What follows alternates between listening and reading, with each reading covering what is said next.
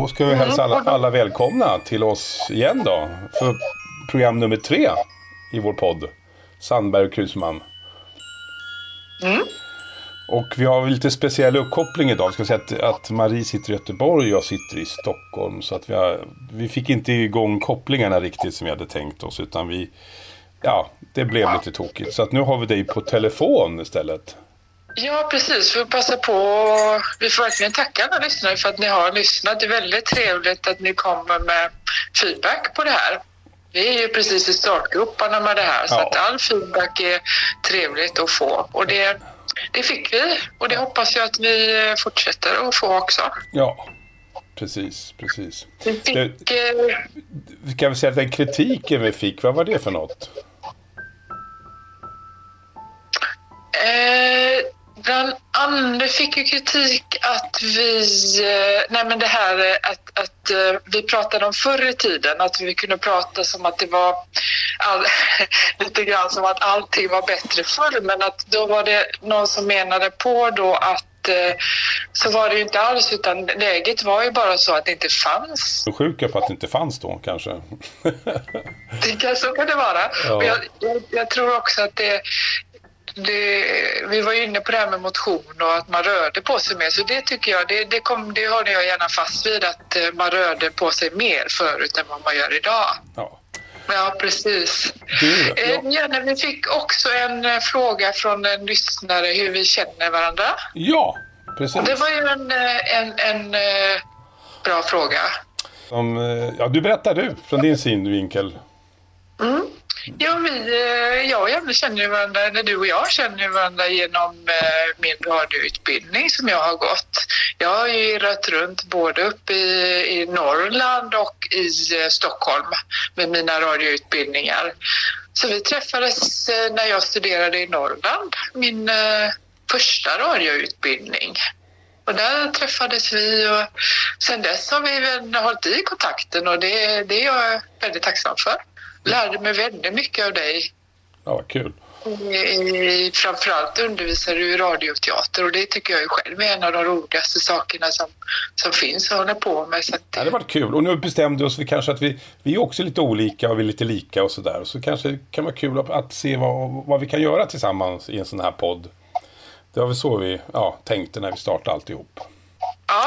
Du, och sen, Ja. och sen var det väl en annan som kände igen sig, i alla fall från min sida. Men det tyckte jag var roligt att folk känner igen sig lite grann från, från ja, när vi pratar om folk och sådär. med egna erfarenheter som man knyter ihop då med forskning, att det är då som gör att det blir spännande att lyssna på. Ja, och dagens forskning, vad, vad, vad, har du, vad har du hittat för något? Ja, vi har ju ett, eh, ett av våra ämnen idag, Janne, är ju fattigdom.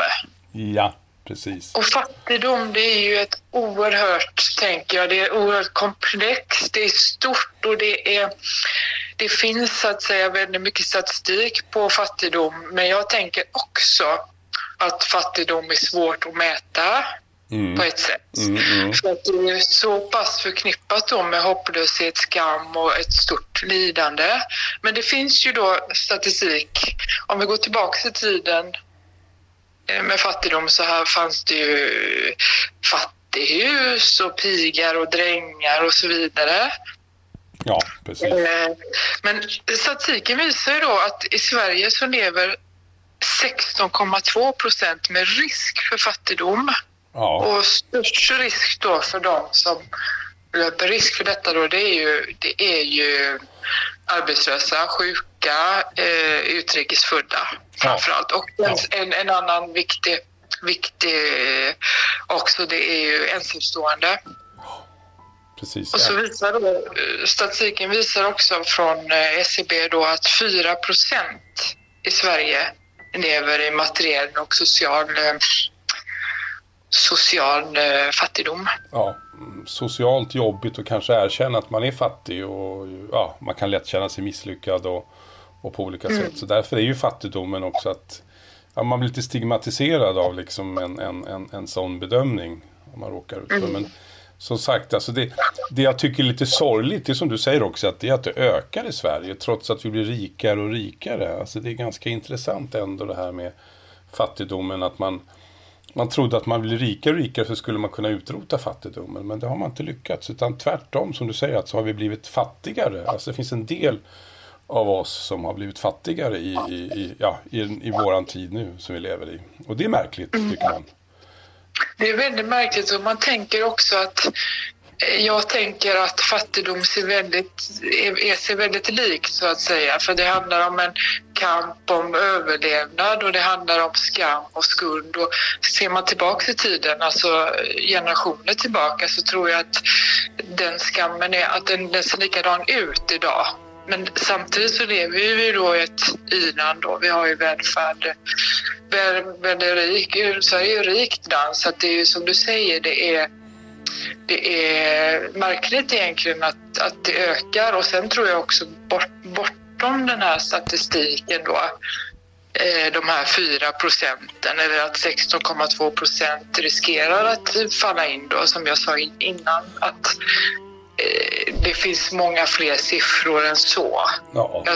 Skammen är så himla stor att bära att, att man, man, man vill inte bli en siffra i statistiken så att säga det, det, är väldigt svårt det här med, med fattigdom. Men jag tror, nu ska man inte dra in politiken i det här, men alltså vi har haft en lite märklig politik i Sverige där vi har på något vis förskjutit skattetyngden från att eh, man beskattade ju löner och fastigheter och, och, och allting sånt där förut. Och då har man förskjutit den och minskat då med arbetsskatteavdrag och sådana där saker, vilket kanske också är bra, kanske förra, men det innebär ju också att om man då lägger skatten på moms och på punktskatter så drabbar det ju allihop på något vis. Och mm. därför har ju liksom, har, har det blivit en mycket större spridning i samhället mellan rika och fattiga så att säga. Och det har ju skett de sista, kan säga 10-20 åren.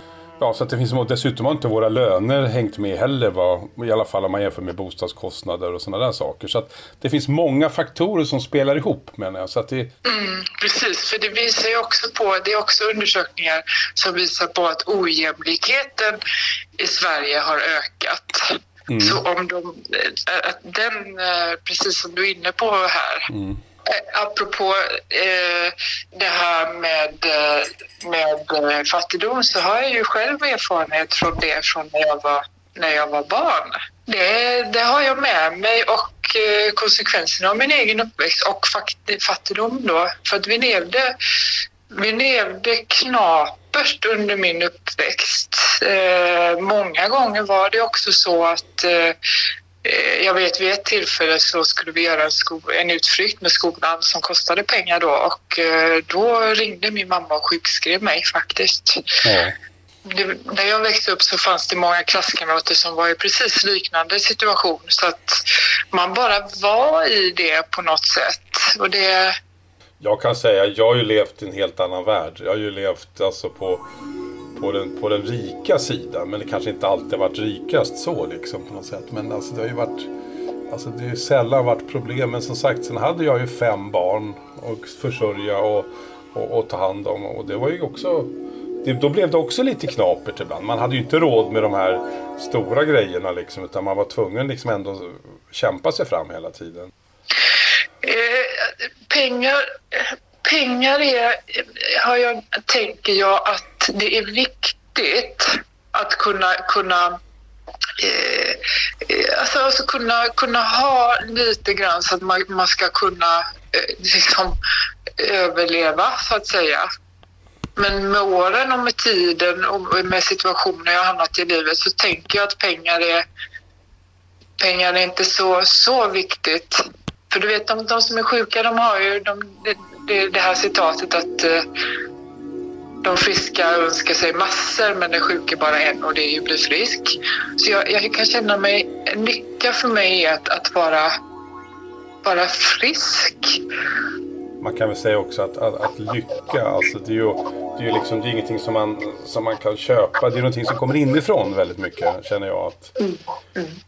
Och där tror jag från barndomen, alltså jag tror vissa människor kan känna en väldig lyckokänsla på olika sätt. Inom olika områden. Alltså du förstår att man kan, man kan prata om kärlek till exempel. Det kan väl ge lycka. Men att mm. gå ut i skogen är också en fantastisk lycka till exempel. Mm. Mm. Och, eh, så att det, det, finns liksom olika delar av lyckan. Och det är klart, om man säger så här, är man fattig då har man väl kanske, är man mer pressad och då blir kanske inte livet så lyckligt alla gånger. För att det finns en press på en hela tiden i tillvaron. Att kunna mm. betala och göra rätt för sig. För det vill väl alla människor på något sätt. Att man vill mm. inte vara beroende av olika sätt. Utan, och då sätter det ganska stor press på många idag. Det finns mycket och, och, och, och som kan förstöra lyckan också så att säga. Men jag tror, som du säger, fysisk, att man är fysiskt hel och mår bra, det är ju, det är ju en grund alltså på något sätt. Mm. Och då, då tänker jag Janne, då frågar jag, du pratade lite innan om att det är viktigt att känna inre lycka, att den ska komma inifrån. Mm. Men alltså, hur känner du, hur kan du känna att du har, nu är jag harmonisk, nu har jag en inre lycka så att säga. Hur kan du känna det? Eller hur märker du det? hos dig själv? Ja, alltså, alltså det vet du själv. Alltså, förr tränade man ju mycket. Och när man var ute och sprang mm. en mil ganska högt tempo så fick man nästan fick man ju de här endorfinerna och det gav ju en lycka. Så att säga. En, mm. en endorfinkick och det är ju det är härligt så att säga. Men det gäller att hitta så här, liksom, man kanske, jag kan känna lycka när jag är väldigt mätt ibland faktiskt. Förstår du? Att man känner en, en, en, en, en härlig känsla att åh vad behagligt det känns liksom på något vis. Så man kanske får vila sig en stund. Det är också en lycka att få lägga sig och liksom kanske ta det lugnt en timme ibland. Och så där. Det är sådana här lyckostunder som är viktiga. Men sen kommer jag också som barn.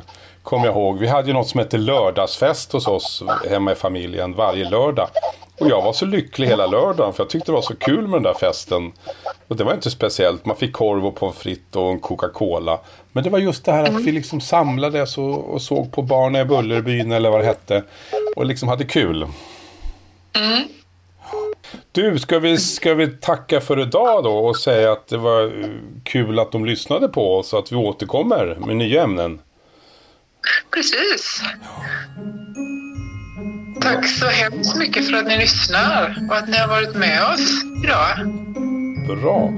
Och då får vi säga... Får vi säga hej då den här gången? Ja. hej då allihopa och vi ses och hörs snart säkert igen. Det gör vi. På återhörande. Hej då! Hej då! Hej då!